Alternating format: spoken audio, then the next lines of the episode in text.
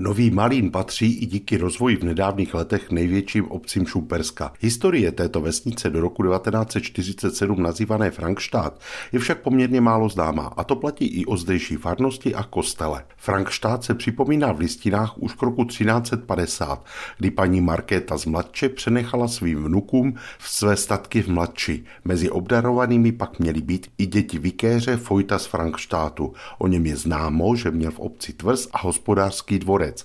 Existují však zmínky i o starším osídlení zdejšího kraje, podobě hornické osady Milderfl, kterou zmiňují starší historikové. Ještě tajemnější jsou pak zbytky hrádku nad obcí, o kterém chybí už vůbec jakékoliv zprávy. Stejně neznámé jsou pak i dějiny zdejší farnosti. Kdy vznikla, kdy zde byl postaven první kostel a jak vypadal, to se pravděpodobně už nedozvíme. Stará legenda říká, že před stavbou kostela přistávalo na tomto místě pohanské obětiště.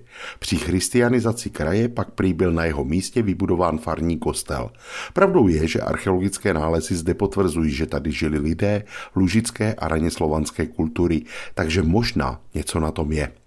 A tak se pojďme vypravit do historie, o které přece jen už nějaké zprávy máme. Vůbec první zmínkou o existenci kostela jsou letopočty, které byly uvedeny na dvojici zvonu ve věži zdejšího chrámu. Nejstarší uváděl rok 1412, ten však byl rekvírován. Současný zvon na věži nese letopočet 1465. Existenci starší stavby potvrzují také dvě mramorové desky s pamětními zápisy o výstavbě věže, nyní překryté omítkou, z níž jedna je datovaná rokem 1588. O mnoho starší není ani první zápis o existenci kostela a farnosti z roku 1569. Už ve druhé polovině 16. století působili v Novém Malíně na faře evangeličtí duchovní. Zprávy mluví o jakémsi pastoru Janu Žoskénovi. Historik Jan Březina uvádí, že v roce 1586 byl sedlákem Pavlem Šubrtem a nějakým tulákem kostel vykraden. Oba prý za to zaplatili životem, do roka byli upáleni. Po Bílé hoře farnost zaniká a obec je přifařena do Šumberka. Provizorium způsobené patrně nedostatkem katolických duchovních trvalo přes 100 let. Až v roce 1728 máme zprávy o knězi,